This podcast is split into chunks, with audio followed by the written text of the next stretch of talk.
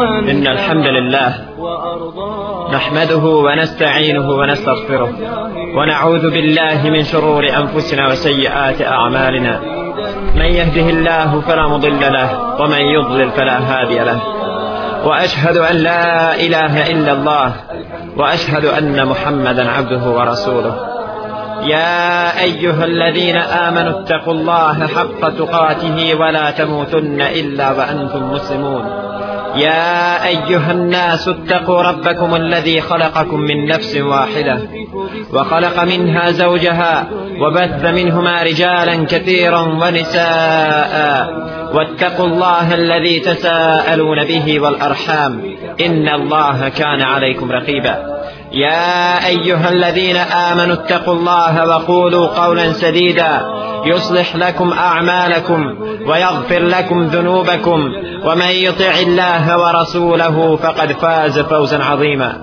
إن أصدق الحديث كتاب الله وخير الهدي هدي محمد صلى الله عليه وسلم وشر الأمور محدثاتها وكل محدثة بدعة وكل بدعة ضلالة وكل ضلالة في النار أما بعد سيدنا براتشو بويتس الله سبحانه وتعالى znajte da vas on nadziri znajte da uzvišeni Allah subhanahu wa ta'ala poznaje i vidljivi i nevidljivi svijet znajte da se našem gospodaru Allahu subhanahu wa ta'ala ne može sakriti ništa ni na nebesima ni na zemlji kaže uzvišeni Allah subhanahu wa ta'ala ومن يتق الله يجعل له مخرجا onaj ko se bude bojao Allaha subhanahu wa ta'ala on će mu naći izlaz iz svake situacije rješenje za sve moguće probleme u našem životu rješenje kako za dunjalučke probleme tako i za ahiretske kazne i iskušenja jeste bogobojaznost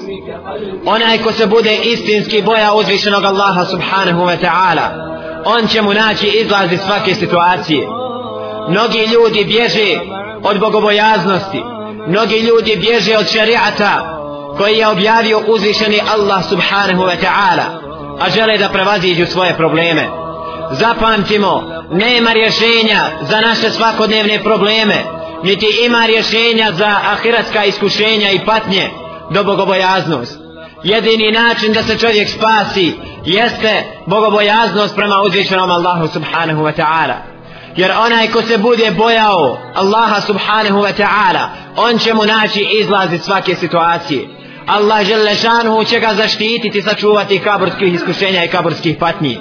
Stoga, nemojmo zaboraviti ovaj lijek protiv svih bolesti, protiv svih problema s kojima se susrećemo. Kada nas god zade se problemi, prvo se odsvrnimo na svoj život, potražimo greške i mahane u svome životu, pa tek onda nastojimo da ih riješimo. Tek onda nastojimo da riješimo problem. Nemojmo bježati od suštine problema i pokušavati ga rješavati sa nekim marginalnim stvarima koje nam nikako ne idu u prilog. Cijenjena braćo, ima jedna bolest koja je raširena među ljudima.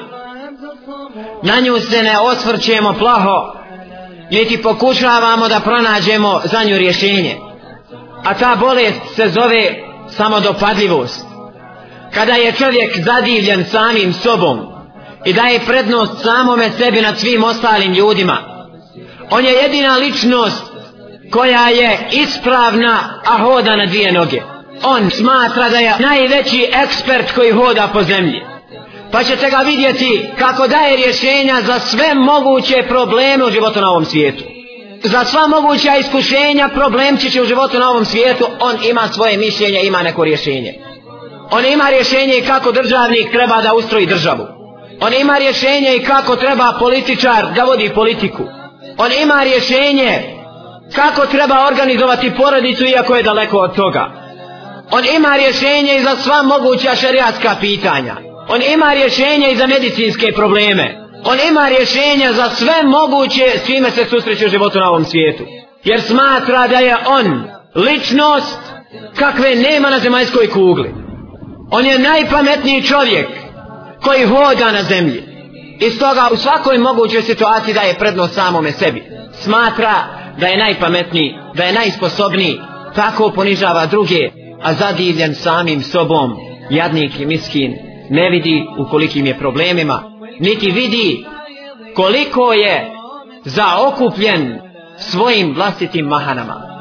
Nažalost, on je kratkovidan, voluje od kratkovidnosti. On ne vidi suštinu problema, a vidi probleme koji su drugog reda. Ne osvrćuje se na svoje vlastite mahane, koje su mu blizu i nalaze se u njemu samome, nego svoj pogled usmjerava na druge i traži mahane u njima pa ćete ga vidjeti iako je nemoralan da govori o moralu pa ćete ga vidjeti iako je neposlučan svojim roditeljima daje savjete ljudima kako trebaju poštivati svoje roditelje vidjet ćete ga da savjetuje komšije kako treba živjeti a nekorektan je prema svojim komšijama vidjet ćete ga da ne poštuje svoju suprugu da ne poštuje svoje dijete ne vidi suštinu problema vidi problem u nekom drugom a ne vidi problem u samome sebi dobro li reče jedan pjesnik kao da se obraća nama samima kada kaže nu'ibu zemanana wal aibu fina wama li zemanina aibun sivana manu tražimo u vremenu vrijeme osim nas druge mahane nema jedina mahana vremena smo mi sami jer je suština problema u nama samima uvijek tražimo mahane u nekome drugom uvijek tražimo eventualne probleme i musibete u nekome drugom. Pa ćete tako vidjeti čovjeka koji govori da je suština problema u islamskom ummetu to i tu. Suština problema u islamskom ummetu kao što to mnogi kažu jesu vladari u tim zemljama. Zbog čega se muslimani danas u svijetu ovoliko zlostavljaju? Pa jadnik i miskin traži probleme u dušmanima i neprijateljima za koje svaki insan i hajvan zna da su neprijatelji i zna da su pakosni prema islamu i muslimanima. Traži problem u njima. Nije problem u njima. Rasulullah sallallahu alaihi wasallam na Uhudu nije tražio problem u Kurejšijama. Problem je bio u ashabima. Grešku su napravili ashabi. Pa je Allah subhanahu wa ta'ala dao da su muslimani doživjeli poraz. Nije greška u nevjernicima koji jasno kažu mi ćemo se boriti protiv vas. Nije problem u njima problem je cijenjena braće u nama samima. Uvijek tražimo grešku i mahanu u nekome drugom. Uvijek pokušavamo svoje probleme i mahane prebaciti na nekoga drugog. Pa ćete tako vidjeti drugog čovjeka koji kaže neće ljudi da prihvataju vjeri. Ljudi se ne odazivaju pozivu našega gospodara. Nerijetko možete čuti one koji pozivaju Allahu subhanahu wa ta'ala kako kažu neće nas bošnjo vjeri. Nije istina. Naš bošnjo hoće vjeru i hoće din. Nije istina. Nema čovjeka koji ne traži rješenje za svoje probleme. Insan voli vjeru, voli din. Svaki musliman voli vjeru, voli din. Voli da je uči i voli da se vlada po njoj. Ne bježe ljudi od vjere zbog toga što je ona čista. Niko ne bježe od čistoći. Nego zbog naših grešaka pokušavamo prebaciti probleme na nekoga drugog. Cijenjeni brate, problem u islamskom svijetu i islamskom ummetu danas nije problem u vladarima koji su im načinjeni. Jer kakvi su podanici, takvi vladari. Kakvo je reije, kakav je narod, kakav je vladar. Vladar je samo oličje toga društva i toga stanja. Kada su ashabi bili onako dobri, koji ih je predvodio? Predvodio ih je Rasulullah sallallahu alaihi wa sallam. Zato što su oni bili bogobojazni, bili su dobri dođe jedan od Haridžija, jedan od smutljivaca u vrijeme Alija radijallahu anhu. Pa mu reče, o Alija, sve je bilo u redu za vrijeme poslanikova sallallahu alaihi wa sallam života. I sve je bilo u redu dok je halifa bio Ebu Bekr i Omer. Ali kad se ti i Osman došli za halife, nastali su neredi u islamskoj državi. Šta je razlog tome? Kaže njemu Alija radijallahu anhu za vrijeme života Rasulullaha sallallahu alaihi ve sellem i za vrijeme Ebu Bekra i za vrijeme Omera mi smo bili potinjeni mi smo bili obična masa ja, Osman i ostali pa je zato bilo lahko Ebu Bekru i Omeru jer smo mi bili njihova vojska danas mi smo zapali u probleme zbog toga što si ti i slični tebi naša vojska problemi u koje je zapao Osman radijallahu anhu i Alija radijallahu anhu. Nije zbog njih dvojice i nije zbog ashaba, nego je zbog onih smutljivaca i munafika. Stoga probleme treba tražiti u nama samima, nemojmo ih tražiti u nekome drugom. Nemojmo tražiti probleme i nemojmo tražiti grešku u neprijatelju i dušmanu za kojeg znamo da je dušman i za kojeg znamo da koristi svaku moguću situaciju da nam napakosti. Nego tražimo grešku u nama samima pak dođe onaj koji poziva ka Allahu subhanahu wa ta'ala ili pak roditelji u svojim kućama ili oni koji su se vratili Allahu jalla šanuhu pa žele da se njihove porodice vrati Allahu jalla šanuhu šta kažu neće kaže moj sin da pada Allahu na srcu neće moj babo da pada Allahu na srcu neće moja majka da se vrati Allahu jalla šanuhu neće moja sestra da se vrati Allahu jalla šanuhu neće moja neće moj amidža, neće moj gajđa, neće moj tetak, neće moj onaj ili onaj. A zašto neće? Ja sam kaže govorio, ja govorim, ja pozivam. Ali neće oni da prihvati. Činjenica je. Inneke la tehdi men ahbabta velakinne Allahe jehdi men ješa. Ti ne možeš uputiti na pravi put onoga koga ti hoćeš, nego Allah upućuje koga on hoće. Ali cijenjeni brate, nemoj tražiti grešku u njima, traži grešku u sebi. Nemoj tražiti grešku u svome babi koji neće da padne Allahu na sežu, nego traži grešku u samome sebi. Šta si to ti učinio i kako si mu to prezentovao? Nemoj tražiti grešku u svome sinu. Traži grešku u sebi i svome odvoju svoga djeteta. Kada budemo samo kritični i kada budemo tražili probleme u samima sebi, zapamtite da ćemo uspjeti. Jer ovo je vrlina oštroumnih i pametnih vrlina onih koji će uspjeti u životu na ovom svijetu. Ali ko neće uspjeti? Neće uspjeti oni koji uvijek pokušavaju probleme prebaciti na drugi. Zapamte cijenje na braću. Neće ja uspjeti, jer uvijek probleme prebacuju na nekoga drugu. I to je najkraći put da se pobjegne od problema. Jer najlakše je kazati nisam ja kriv, traži kriv to nekom drugom. Najlakši. To je najlakši put da se izbjegnu problemi. Kako neće razmišljati niti o njihovim rješenjima i nije ga ni briga. Nego cijenjeni brate, trebamo razmišljati o svojim greškama i svojim propustima. Trebamo razmišljati o svojim mahanama. Nemojmo gledati u tuđe mahane, a i sami smo puni tih mahana i ne znamo šta ćemo od njih. Toliko smo puni grijeha da imaju svoj smrad, ne bi čovjek mogao izići na ulicu jer bi se ljudi potušili od mnoštva grijeha koje mi svakodnevno svakodnevno činimo stoga cijenjena braćo vi koji želite da uredite svoje porodice vi koji želite da promijenite stanje u ovome ummetu znajte da se stanje mijenja mijenjanjem svakog pojedinca. Ako svaki pojedinac bude samokritičan i bude popravio svoje stanje, zapamtite, popravit ćemo stanje u ovome ummetu. Jer Allah neće popraviti stanje ummeta sve dok mi sami ne popravimo sebe. Jer činjenica je da je problem u nama samima. Evo još jednog problemčića. A to je, kada čovjek poziva ka Allahu subhanahu wa ta'ala, napomenuo sam da traži grešku u onome koga poziva. Pa kaže, on je ortodoksni pijanica i notorni alkoholičar i neće da nikad vrat spjer. Nije tačno. Je li uputa u tvojim rukama? Kada je taj čovjek je za vrijeme onog režima bio u partiji, nikada neće pati Allahu na seždu. To nije tačno i nemoj pričati o tome. Da je najveći nevjernik bio što postoji na Dunjaluku. Ako padne Allahu na seždu, Allah će mu obrisati sve njegove prošle grije. Ako se iskreno pokaje. Stoga nije tvoja briga kakav je čovjek, nego je tvoja briga da naučiš šta trebaš kazati, da naučiš kako treba kazati, da naučiš gdje treba kazati i da naučiš kada treba kazati. Da naučiš ove četiri stvari.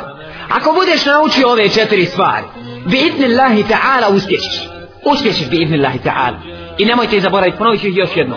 Da naučiš šta treba kazati. Šta ćeš kazati čovjeku? Dođeš čovjeku koji klanja pet vakata namaza i počneš mu pričati. E čovječe, pa ti trebaš klanjati pet vakata namaza. Čovjek čeka, ja klanjam pet vakata namaza, ima 25 godina. Ti meni pričaš, trebam klanjati pet vakata namaza. Ha, ne znaš šta treba kazati.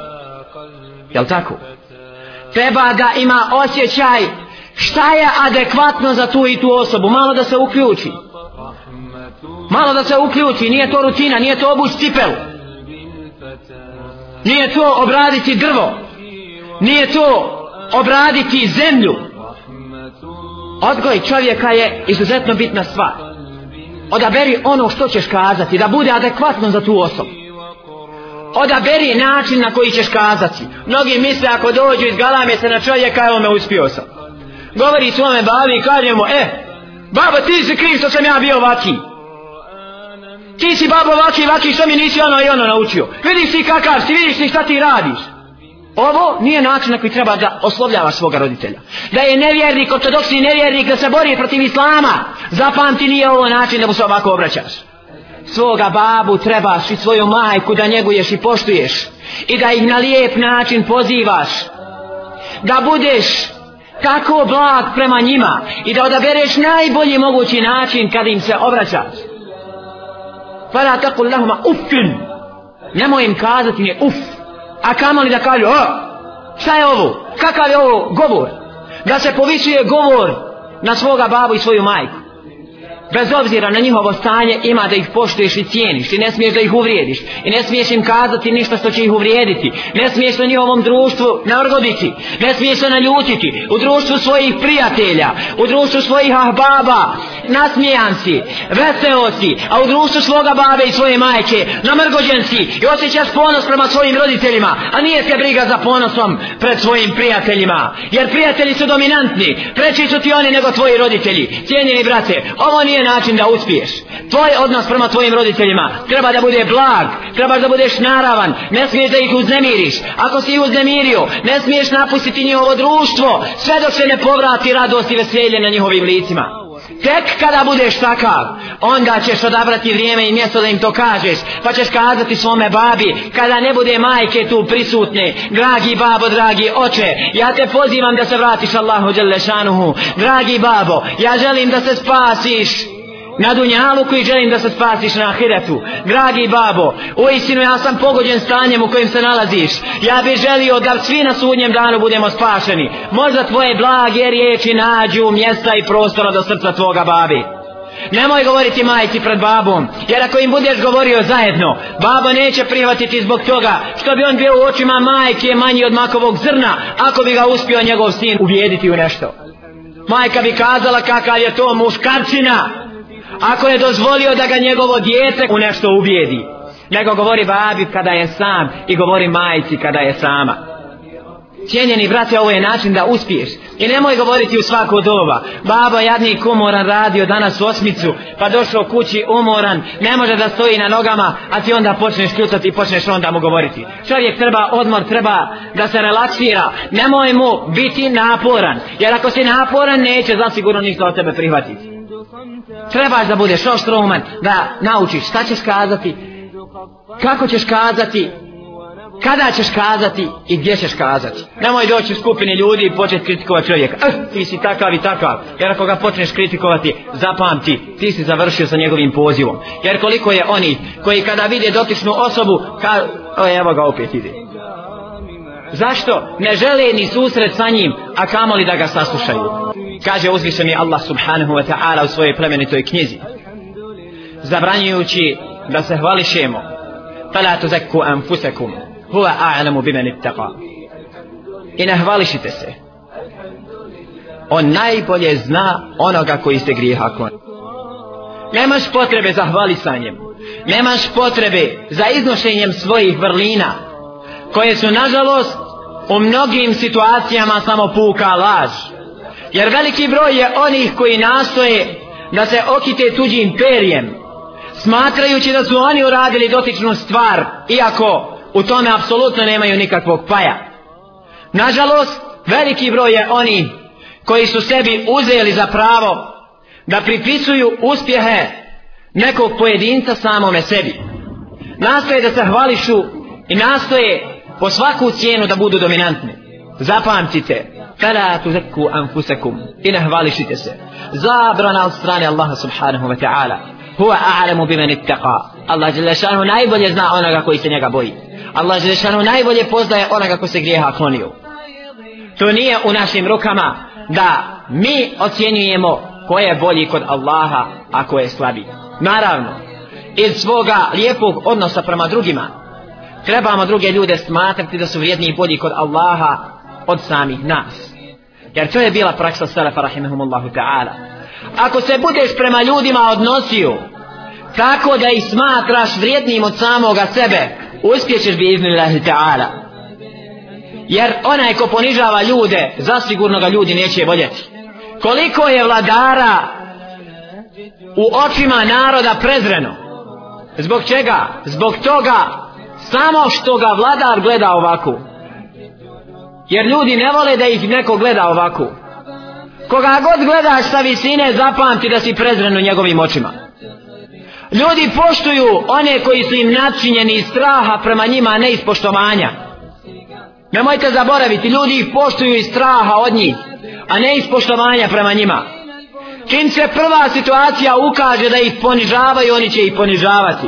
Zbog njihovog nekorektnog odnosa prema njima a vidjet ćemo praksu Rasula sallallahu alaihi wa sallam koji bi cijenjeni brate kada mu dođe čovjek ono jedno jedino šilte koje je imao i na kojem je sjedio ponudit će čovjeka da sjedne na njega a on će sjesti na zemlju nije se prema ljudima odnosio kao da je on na nekom posebnom mjestu a svi su ljudi dole ispod njega iako se njegove vrline i njegov život ne mogu uporediti sa vrlinama i životom bilo kojeg drugog čovjeka na ovom svijetu. Allaha uzvišenog molim da nas učini od onih koji će se osvrnuti na svoje mahane i pokušati riješiti te probleme koji se nalaze kod njih. Allaha uzvišenog molim da nas pomogne i da smognemo snage da napravimo jednu samokontrolu i samokritiku da se osvrnemo na svoj život pa ćemo vidjeti koliko li mahana samo mi posjeti فلا تزكوا أنفسكم هو أعلم بمن اتقى كاجة أزلشني الله سبحانه وتعالى إن أهوالي شتس أن نايبولي بوزنا أنك كو إسجريها كوني Često ljudi nasjedaju na ovu opasnu bolest koja se uvukla u ljudsko srce, a to je hvalisanje pa se nerijetko i sami hvališu čak pripisujući mnoge stvari da su ih oni odradili i da su ih oni uradili a oni su daleko od toga pa preče se to zna biti i čista laž a uzvišeni Allah subhanahu wa ta'ala kaže alam tara ila alladhina yuzakkuna anfusahum bal illahu yuzakki man yasha wa la tudlamuna fatila zar ne vidiš one koji sebe smatraju od grijeha čistim međutim Allah čisti od grijeha onoga koga hoće i nikome se neće nikoliko trun nepravde učiniti u ovom kuranskom ajetu uzvišeni Allah subhanahu wa ta'ala ukorava one koji se hvališu i koji sebe smatraju čistim od grijeha jer kao što sam napomenuo veliki broj je oni koji u životu na ovom svijetu nastoje da po svaku cijenu iznesu svoje vrline i da se pohvali a prečesto ta hvala zna biti i čista laž, a dovoljno je grijeha čovjeku da samo iznosi laž, jer je laž dovoljan grijeh sama za sebe. Allahu poslanik sallallahu alaihi ve sellem nam je naredio da bacamo prašinu u lica onima koji hvali, a u dva sahiha se prenosi od Ebu Bekreta da je Allahu poslanik sallallahu alaihi ve sellem čuo nekog čovjeka kako hvali drugog čovjeka pa je rekao teško tebi. Prerezao si mu vrat. Zatim je rekao, ako neko od vas treba nekoga da pohvali, mora da ga pohvali, onda neka kaže, ja mislim da je taj takav i takav, a Allah subhanahu wa ta'ala najbolje zna. Unzur kejpa jeftarune ala Allahi l-kadib, wa kefa bihi ismem mubina. Pogledaj kako izmišljaju laž o Allahu. To je Allahu dovoljno kao jasan grijeh laž je sama za sebe dovoljno jasan grijeh. Cijenjena braćo, uzvišeni Allah subhanahu wa ta'ala na jednom mjestu u Kur'anu nas upozorava na ovu opasnu bolest. Dok on na drugom mjestu pokazuje gdje je pravi lijek. Pa kaže, وَمَا أَصَابَكُمْ مِنْ مُصِيبَةٍ فَبِمَا كَسَبَتْ أَيْدِيكُمْ وَيَعْفُ عَنْ كَثِيرٍ A nesreća koja vas zadesi je zbog stečevine ruku vaših ono što vas je snašlo i što vas je zadesilo, to nije ništa drugo do ono što su vaše ruke uradile. Svata nesreća koja vas je pogodila je zbog dijela ruku vaši. وَيَعْفُ عَنْ كَتِيرْ A mnogo toga on i oprosti. Kaže Ibn Ketir, rahmetullahi alaihi, o ljudi, šta vas god snađe od teškoća, to je zbog vaših ružnih postupaka što ste ih počinili. وَيَعْفُ عَنْ كَتِيرْ i mnogo od toga on i oprosti. Jer kada bi Allah subhanahu wa ta'ala kaznio ljude zbog svih njihovih loših postupaka, nestalo bi života na zemlji. Nestalo bi živog bića na zemlji. Nestalo bi insana i nestalo bi hajvana.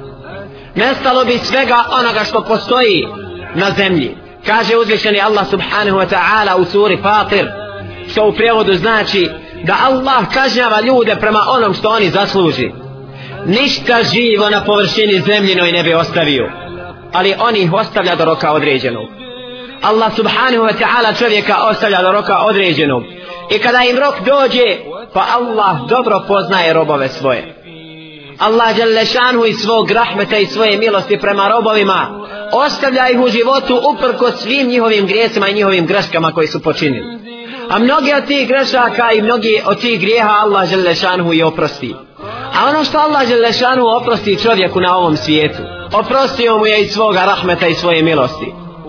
Da ne bi neko kazao Allah Đelešanu će nekim ljudima oprostiti svoga rahmeta, a druge će kazniti. Pa zar to nije jedan vid nepravdi? Cijenjeni brate, Allah Đelešanu ne čini nepravdu svojim robovima. Neće je počiniti nikome, ni na ovom svijetu, niti će je počiniti na drugom svijetu uzvišeni Allah subhanahu wa ta'ala kada prašta, prašta iz svoga rahmeta i svoje milosti. A kada kažnjava, kažnjava iz svoje pravdi. Nemoj da neko pomisli da Allah želešanu će načiniti nepravdu nekom. Allah želešanu kada kažnjava, kažnjava zbog svoje pravde i svoje pravde. Nikome neće nepravdu učiniti. Samo će neke ljude kazniti zbog njihovih postupaka jer su oni to i zaslužili. كاجا وزبيشني الله سبحانه وتعالى ذلك بأن الله لم يكن مغيرا نعمة أنعمها على قوم حتى يغيروا ما بأنفسهم وأن الله سميع عليم فإذا الله نيجي لشتي بلغستانيا نارد dok se on sam ne promijeni, a Allah sve čuje i sve zna. Uzvišeni Allah subhanahu wa ta'ala je objavio kuranski ajet u kojem se obraća ashabima pa kaže أَوَلَمَّا أَصَابَتْكُمْ مُصِيبَةٌ قَدْ أَصَبْتُمْ مِثْلَيْهَا قُلْتُمْ أَنَّ هَذَا Zar niste rekli kada vas je snašla nevolja koju ste vi njima dvostruko nanijeli? Odakle sada ovo? قُلْتُمْ أَنَّ هَذَا Otkud ovo? Ashabi radijallahu anhum su nanijeli žestoku, žestok bol neprijatelju. Nanijeli su im veliku bol u bitci na Bedru. Ubili su 70 mušrika, a zarobili 70. U bitci na Uhudu su isto tako nanijeli veliku bol neprijatelju, uprko s tome što su bili poraženi. Pa kada ih je sašla u poraz, kazali su, kako kaže Allah Đelešanu, kultum enna hada. Onda ste kazali i rekli ste, zašto nas je ovo zadesilo? Otkud da nas ovo pode, pogodi? Kada smo mi muslimani, Itišli smo da se borimo na Allahovom putu. Sa nama je i Allahov poslani. Sallallahu alaihi wa sallam. Kod nas je i objava. Pa nas je opet našo ovaj musibet. Allah žele šanu sobraća ashabima. Kultum anna hada, kul huve min indi anfusikum. Reci, to je zbog vaših postupaka. To je zbog grijeha koji su neki od vas počinili. أن الله على كل شيء قدير يا الله جل شانه يا دويستا تاي كويس فموجه أصحاب رضي الله عنهم سسزات ذلي شتا هي سناشا أوبورا كرسو Zamišljali, mi se borimo na Allahovom putu, mi smo na istini, mi smo na haku. Drugo, među nama je poslanik sallallahu alaihi wa sallam. A znamo da poslanik sallallahu alaihi wa sallam mora dostaviti misiju. Znamo da je najpokorniji Allahov rob. Zatim, kod nas je i objava. A oni mušici, došli iz Mekke, zatirati Allahu u riječ na zemlji. I pored svega toga, poraz je snašao nas, poraz je snašao ashabe, poraz je snašao one koji su obradovani džennetom, poraz je snašao one za koje je Rasul sallallahu alaihi wa sallam u životu na ovom svijetu posvjedočio ući će u džennet kao što je rekao za Ebu Bekra, Omera, Otmana, Aliju, Sa'id ibn Zejda, Sa'id ibn Bivakasa, Zubair ibn Al-Awama i ostale ashab radijallahu anhum koje je obradovao džennetom dok su hodali po zemlji. Snašao ih poraz na Uhudu. Subhanallah, mi muslimani borimo se na Allahovom putu, oni mušici, oni povijedili. Gdje je razlog? Allah žele šanhu kaže, kul huva min inda anfusikum. Reci, to je zbog vas zbog vas, zbog vaše grijeha koji ste počinili. A šta je bio grijeh ashaba? Šta su to oni pogriješili na Uhudu? Samo jedna skupina ashaba radijallahu anhum koja je bila zadužena da bude na Džabelur Rumat. Da bude na jednom brdu koje se zove brdo strijelaca da boravi na tom mjestu bez obzira na uspjeh ili ne uspjeh muslimana. Ne smije se povlačiti. Ako muslimani budu napredovali, vi ostanite tu. Ako muslimani budu poraženi, vi opet ostanite tu, nemojte nikud makinja. Resul sallallahu alaihi wasallam im jasno kazao šta trebaju da urade. Kada su vidjeli da muslimani napreduju, da muslimani potiskuju mušlike, oni neki od njih su, i to ne svi, neki od njih su posegnuli za ratnim plijenom. Kada čovjek osjeti težnju za dunjalukom, pogledajte šta ga snađi. Jedna skupina njih nisu se u potpunosti naklonili dunjaluk, samo dijelimično. Samo dijelimično, htjeli su da i oni uzmu nešto od ratnog plijena. Nije to bila njihova kompletna preokupacija. I pored svega toga, ostala jedna skupina na Džebelu Romat, koju je Halid ibn Velid sa svojom konjicom pobio.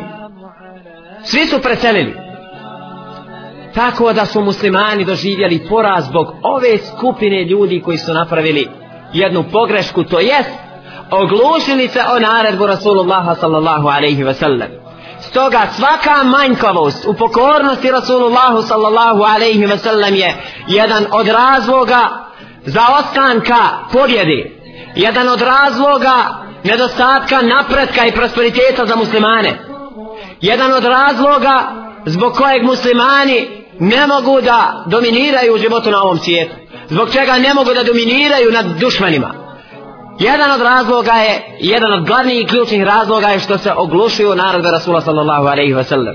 A danas je, kao što smo mi svjedoci, veliki broj onih koji u potpunosti zapostavljaju riječ Rasula sallallahu alaihi wa sallam, daju prednost svakom drugom nad riječima Rasulullaha sallallahu alaihi wa sallam i nad riječima uzvišnog Allaha žele šanuhu. Vidjet ćete ljude kako više cijene govor oni koji su stvoreni i koji su manjkavi krnjavi kao i oni. Čak daju prednost nevjernicima i onima koji govore o Allahu loše i izmišljaju laži o Allahu žele šanuhu daju im prednost nad Allahom i njegovim poslanikom sallallahu alaihi wasallam.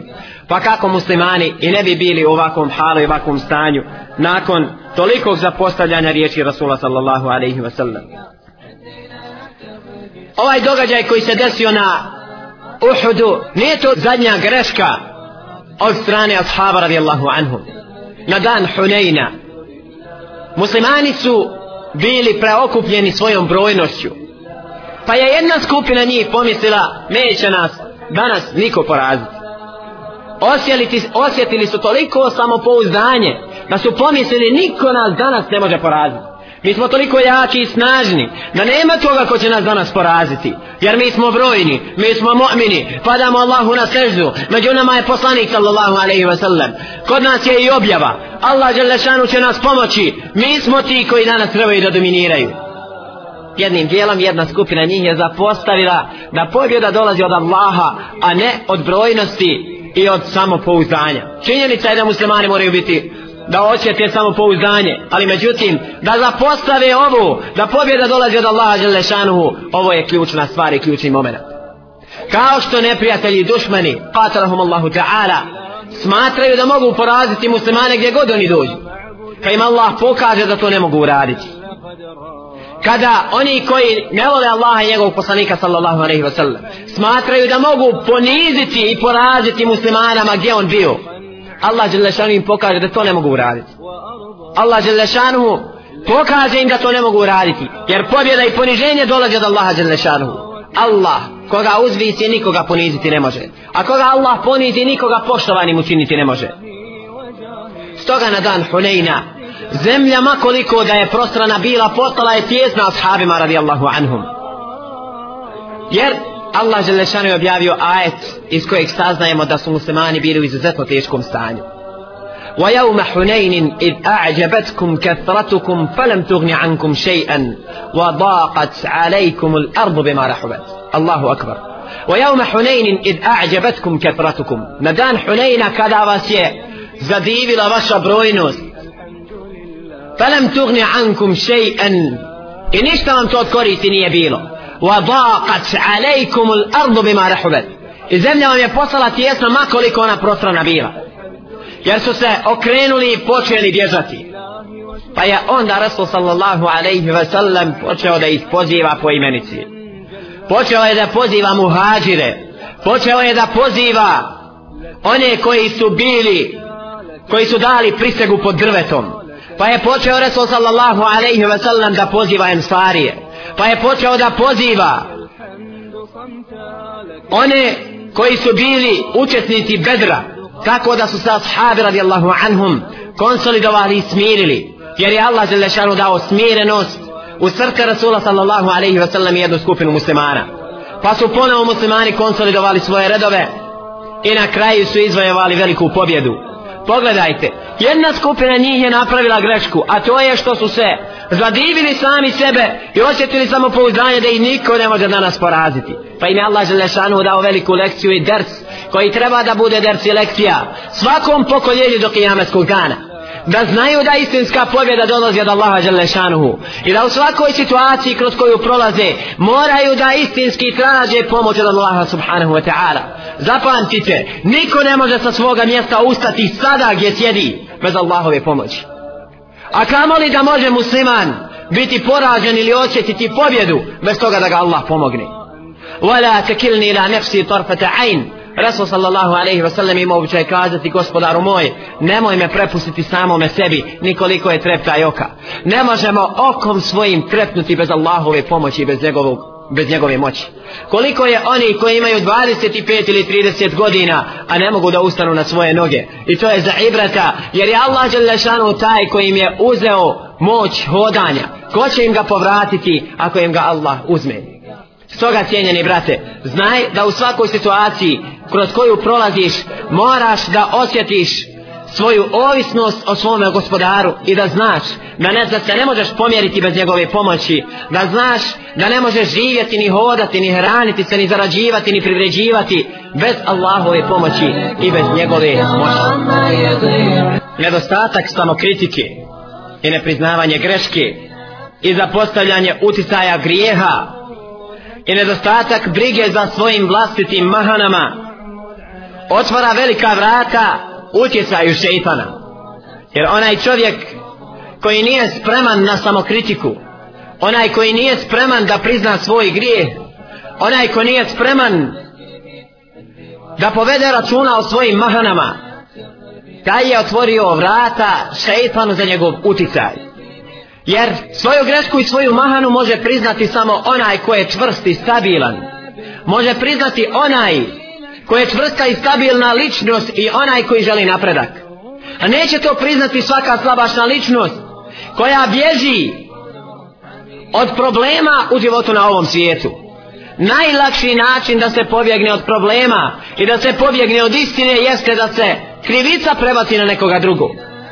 Cijenjeni brate, pogledajmo istini u oči suočimo se sa svojim mahanama i svojim nedostacima osvrnimo se na sebe ne kažem da i oni drugi nemaju mahana ali prvenstveno trebam osvrnuti se na svoje vlastite mahane i svoje vlastite greške pa kada budem popravio svoje stanje Allah Đelešanu će promijeniti stanje u ummetu Allaha uzvišenog molim da nas učini od čvrstih i stabilnih ličnosti koje će biti samo kritične ako i neće biti kritičari i kritikovati samo druge, nego će se osvrnuti na svoje mahane, jer na takav način znajte da će se poboljšati stanje u ummetu. Našim poboljšanjem, nas kao pojedinaca, popravit ćemo stanje u svojim porodicama. Popravljanjem stanja u našim porodicama, popravljamo društvo. Popravljanjem društva, popravljamo državu. A popravljanjem države, popravljamo kompletno stanje u islamskom ummetu. Du'ibu zemanana, wal'aibu fina.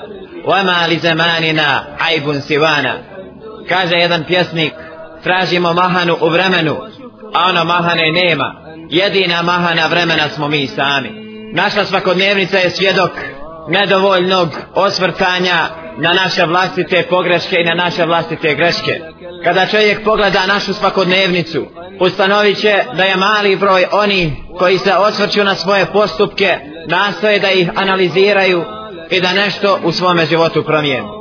Ima onih koji su svjesni da su potonuli u ovu opasnu bolest. Svjesni su svojih grešaka, ali i dalje pocijenjivaju druge ljude, i dalje sebe smatraju daleko vrijednim od njih, i dalje smatraju da su oni jedine ispravne ličnosti koje hodaju po zemlji. Svjesni su činjenice da nisu na hakku i da nisu na istini, ali uprko svemu tome i dalje su istrajni u ovoj opakoj bolesti. Naravno sve ono što smo kazali ne odnosi se na njih. Jer onaj ko je svjestan svoje pogreške i ne želi da je popravi, za takvog se ovakve riječi ne odnose. Ono što smo kazali, ono što ćemo danas kazati, je upućeno onima koji nisu svjesni da su potonuli u ovu bolest. Upućeno je onima koji su inače moralne ličnosti i nastoje da poprave svoje stanje. Upućeno je onima koji koji su smatrali da su izvan okvira ove bolesti i da su drugi ljudi zapali u ovu bolest, a u stvari ustanovili su da su i oni zapali u ovu bolest. Da ovaj govor koji govorim nije upućen prisutnima, vjerujte mi da ga ne bi ni govorio. Kako je najlakše prepoznati osobu koja bježi od svojih mahana i koja samo gleda u tuđe mahane? Kako prepoznati onoga koji je bolestan od ove opasne bolesti? Od najprepoznativijih stvari jeste da se greške pripisuju drugima, da se uzroci neuspjeha muslimana, da se uzroci neuspjeha na polju daveta pripisuju nekome drugom, a ne nama samima. Napomenuli smo da krivca pravog istinskog krivca trebamo tražiti u sebi samima. Nemojmo pripisivati krivicu nekome drugom, nego se osvrnimo na svoj vlastiti život i potražimo krivca u onolikom domenu koliko smo krivi potražimo krivca u samima sebi. Naravno, ljudima je drago kada se priča o nekoj trećoj osobi, a ne priča se o njemu. Spomenut ćemo da je i to jedna od velikih mana. Prečesto su mi do sad znale biti upućene riječi nekada kroz šalu. Naravno, u većini slučajeva kroz šalu. Imam osjećaj, kaže, kao da govoriš sa mimbera meni. Imam osjećaj kao da su sve riječi upućene meni. Cijenjeni brate, nema potrebe da govorim nekome na ulici ako nije prisutan. Ono što govorim, govorim sebi i govorim tebi. Ne govorim nekoj trećoj osobi. Iako se ponadam da će ono što se kaže ovdje biti prenešeno i drugima. Jer ovo je jedna od stvari i jedna od riječi koje treba prenijeti drugima. A ne, rekao je moj komšija, rekla je moja komšinica i to će ja prenijeti drugima. Reci, rekao je Allah i rekao njegov poslanik, pa to prenesi drugima. Zašto ono što je bezvrijedno i ono za što ćeš odgovarati Allahu dželle šanuhu prenosiš drugima, a nećeš prenijeti, rekao je Allah i rekao je njegov poslanik sallallahu alejhi ve sellem. Smatranje da su svi drugi krivci, a ne ja, je jedan od simptoma po kome lahko možemo prepoznati osobu koja je potonula u ovaj opasan grije. Jer na svaki postupak ima repliku. Svaki čovjek je griješan i svaki čovjek ima mahanu. Kada čovjek posmatra takvu osobu, primijetit će to je superiorna osoba jedina osoba koja ima dvije noge, dva uha, dva oka, dvije ruke i koja hoda po zemlji. Jedina ispravna osoba je upravo ta koja govori. Jer ima opasku i na predsjednika države, i na ministra unutrašnjih poslova, ima opasku i na glavnog imama, ima opasku i na svakog insana, ima opasku i na svoga roditelja, ima opasku i na svoga sina, ima opasku i na svoju suprugu, ima opasku i na svoga prijatelja, ima opasku i na svoga radnika, ima opasku i na komunalca, i na čovjeka koji je poduzetnik, ima opasku i na ovoga i na onoga. Zašto tražiti uvijek krivca u nekome drugom? Malo se trebamo svrnuti na svoje mane, pa ćemo onda prepoznati možda pravoga krivca i popraviti stanje u našem umetu. Naravno, može neko kazati, subhanallah, zar sam toliki krivac ja, što je ovako stanje umet? Šta misliš, cijenjeni brate, nas stotinu, da popravi stanje kod sebe? Koliko ćemo imati lijepih porodica? Stotinu porodica! Čovjek kao pojedinac je učinio ono što je do njega. Ali pravi učinjak je kada se nas stotinu popravi. Svi mi imamo pet prsta, ali tako na jednoj ruci. Kada neko uzme kanistar pa hoće da ga ponesi, jel ga uzima sa jednim prstom, sa dva prsta, sa tri prsta, ili kako ga uzima? Uzme cijelom šakom. Zašto? Cijelom šakom može ponijeti i popraviti stanje. Cijelom šakom može da ponese kanister od 20 litara. A jednim prstom ne može. Šta misli smjenjeni brate nas stotinu se popravi? Koliko ćemo mi uticati na kompletnu situaciju, na kompletno stanje u islamskom umetu? Uticat ćemo i takako ćemo uticati. Ali kada popravimo stanje, mi svi. Kada budemo svi ti koji se trude da poprave stanje u islamskom umetu. Ima oni koji se ne osvrću na svoje mahane i svoje greške i smatraju da dotični grije neće ostaviti traga ni utjecaje na njegov život. Koliko li je samo grijeha i harama upropastilo čovjekov život? Koliko li je harama upropastilo čovjekovu porodicu? Koliko li je harama upropastilo njegov imetak? Koliko li je harama udaljilo sreću od čovjeka? Koliko li je harama približilo nesreću dotičnom insanu. Sve zbog harama i zbog greške. Innakum la ta'maluna a'malan hiya adaqqu fi a'yunikum min ash-sha'ri. Kunna na'udduha ala ahdi Rasulillahi sallallahu alayhi wa sallam min al-mubiqat. Ovo su riječi Enes radijallahu anhu. Kaže vi radite određena djela koja smatrate da su ona tanja od laki, da su ona bezvrednija, manja od laki. A mi smo ih u vrijeme Allahovog poslanika sallallahu alaihi ve sellem smatrali pogibeljnim grijesima. Mi smo ih u vrijeme poslanika sallallahu alaihi ve sellem smatrali pogibeljnim. A danas se ti grijesi smatraju bezvrijednim. Kaže Ibn Sirin, inni la a'arifu hadel gham bi zanbin asabtuhu mundu arba'ina sene. Kaže Ibn Sirin, nakon što ga je pogodila nedaća dugova, poklopili su ga dugovi kaže poznajem i prepoznajem ovu nedaću koja me pogodila zbog grijeha kojeg sam počinio prije 40 godina jer nekada čovjek zaboravi grijeh zbog kojega je pogodila nesreća nakon 10, 20 ili 30 godina Ibn Sirin je prepoznao grijeh koji je počinio prije 40 godina pogodila ga nesreća duga poklopili su ga dugovi i to zbog riječi što je kazao čovjeku ja mu blizu Moflis je u arapskom jeziku bankrot. Zašto čovjek je kazao bankrot u jedan? Zbog tog grijeha pogodila ga nesreća duga nakon 40 godina. Pogledajte koliko bi čovjek morao da povede računa o svojim postupcima. Da ih ne zanemaruje. Ono što uradiš danas, osvrni se jer možda zbog grijeha koji se danas počinio, sutra će te stići druga nedađa. A počesto se ljudi znaju zapitati, pa šta sam to ja kriv Allahu i Zalešanuhu, zbog čega me ovo pogodilo? Cijenjeni brate, preispitaj svoj život i svoju prošlost, pa ćeš možda pronaći uzrok zbog čega te to pogodilo. Još jedan od velikih simptoma onih koji su oboljeli od ove bolesti jeste zadivljenost činjenjem dotičnih ibadita. Ima onih koji urade jednu vrstu ibadeta i tu stvar smatra najglavnijom stvari, najboljim dobrim dijelom koje čovjek počini. Prečesto ćemo čuti osobe koje kažu ja postim Ramazan, ja za Ramazan klanjam redovno. Svaku teraviju sam klanju, svaku noć sam u drugoj džami. Ja sam musliman, muslimančina. Svake teravije ja idem na namaz. On je preokupljen i zadivljen time što je on za Ramazan obavljao namaz. Ili recimo, klanja akšam i sabah i kaže ja svaku noć kad dođem kući klanjam akšam ja ne večeram dok ne klanjam akšam nema nikome večera dok ne klanjam akšam i uvijek je priča samo o akšam nemoj kojim slučajem da se spomene podni jer o podni nema ni govora preokupljen i zadivljen jednim svojim dobrim dijelom koje radi a da ne govorimo o haramima koje čini ovo je jedan od velikih simptoma i prečesto se može čuti od ljudi kako se hvale čak i postupcima drugi, a ne samo svojim. Ako je neko od njegove rodbine uradio koje dobro djelo, on se hvali tim djelom, a ne osvrće se na svoje mahane i svoje greške. Još jedan od simptoma jeste preokupiran od greškama drugih.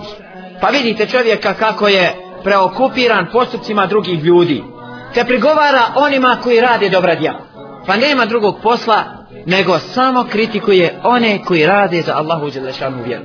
Te kritikuje onog čovjeka koji se trudi imamo napada čovjeka koji obavlja stvari s kojima je zadovoljan Allah subhanahu wa ta'ala.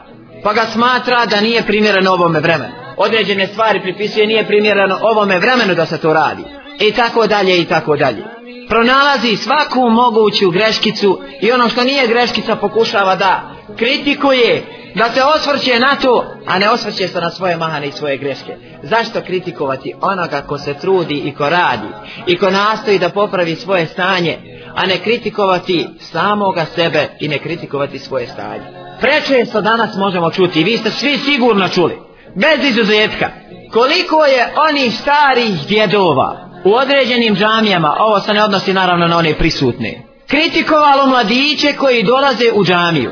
Zbog čega ih je kritikovalo? Kritikovao ih je zbog toga što kaže malo raširi noge kad stani kada hoće klanjati raširi noge malo ovako a njegov sin širi noge po kapani njegov sin noge digo na sto u kapani nije ga briga što njegov sin ne pada na seždu nego je njega briga što je onaj musliman došao i pao Allahu na seždu wala hawla wala quwwata illa billah on nalazi mahanu onome koji klanja pored njega i pada Allahu na seždu i uprko tome da ne govorimo što nije pogriješio nego mahana je u njemu a nije mahana u njegovom sinu i njegovoj kćerki koji su daleko daleko od pravoga puta ovo je prebacivanje onih vlastitih grešaka i mahana i sakrivanje sa napadom na drugi ne napadaj drugi jer ljudi vide tvoje mahane ne govori o svojim vrlinama jer ih ljudi dobro vidi nemaš potrebe kazat ja sam ovakav ili onakav ljudi vide kakav koliko je onih koji se hvale i hvale A čim okrene leđa, kaže mu, Boga ti nemoj se hvaliti, svi te dobro poznajemo. Znamo te svi kakav si. Zašto ima potrebe da komšija dođe i priča ti o svojim vrlinama kad ga dobro poznaješ? Prijatelj ti priča o svojim vrlinama, dobro ga poznaješ. Poznaješ i njegove mahane i njegovu dobru stranu, zašto ima potrebe da ti se hvali? Nema potrebe jer svako vidi postupke drugih ljudi. Sljedeći simptom jeste nedovoljan angažman kada je u pitanju obaveza prema uzvišnom Allahu subhanahu wa ta'ala i nedovoljan angažman kada je u pitanju obaveza prema njegovim stvorenjima. Pa tako vidite kako je teško obavljati ibadet, kako je olahko shvatio činjenje harama, kako je olahko shvatio nanošenje nepravde drugim ljudima i tako dalje i tako dalje. A da samo napomenemo za nanošenje nepravde drugim ljudima. Nemojmo cijenjena braćo zaboraviti da ćemo doći pred Allaha subhanahu wa ta'ala. Nemojmo zaboraviti da će umjesto ovoga ogrtača jednoga dana biti kefin. Da će umjesto ove kape biti kefin. Biće kefin samo zamasano tijelo. Nemojmo zaboraviti da ćemo spuštenih ruku biti stavljeni u kabor. To nemojmo zaboraviti. Kad smo svjesni da ćemo biti stavljeni u kabor, svjesni smo činjenice da ćemo doći pred Allaha i odgovarati za svoja djela nemojte misliti da nepravda koju počinite Allahovom stvorenju da će promakiti. Sve ono što budeš nanio kao nepravdu nekom drugom čovjeku, zapamti, makar zaradio džennet, nećeš ući u džennet. Sve dok se ne poravnjaju računi sa ljudima, sa stvorenjima Allahovim subhanahu wa ta'ala obaveza prema ljudima i dug prema ljudima je krupna i teška stvar i od njoj treba da se dobro povede računa.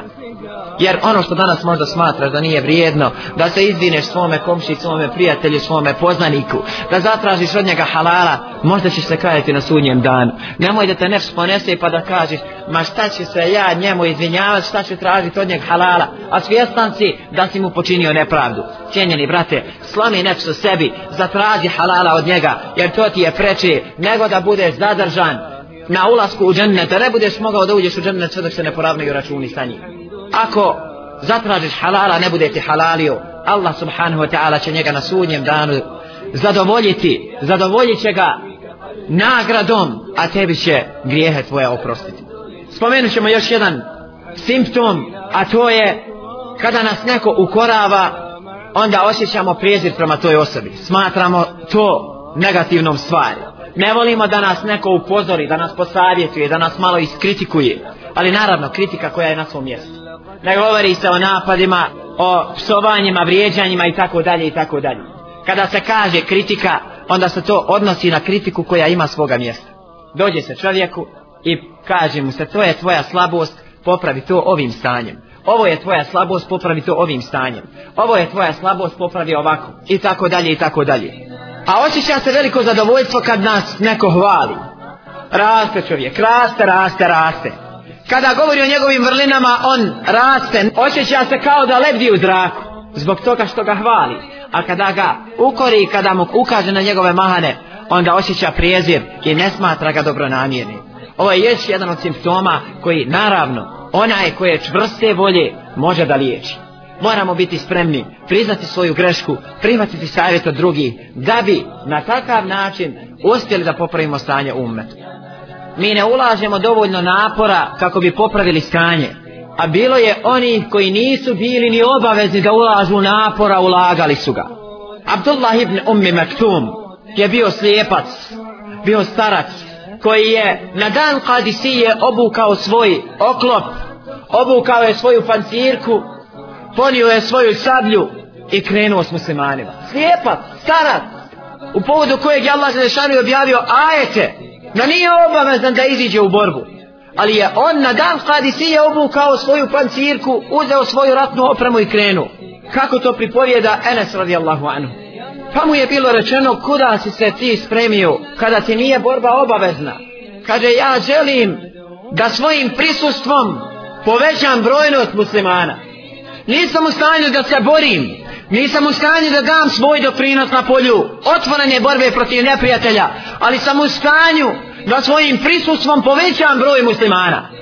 I na ovakav način da dam svoj doprinos za dominaciju Allahove riječi na zemlji. Nije bio obavezan, a izišao je u borbu s ciljem da potpomogne Allahovu riječ. S ciljem da Allahova riječ bude dominantna. Vala havla, vala kuvvata illa billah. Ljudi su ulagali trud i napor iako nisu bili čak određenim stvarima ni obavezni.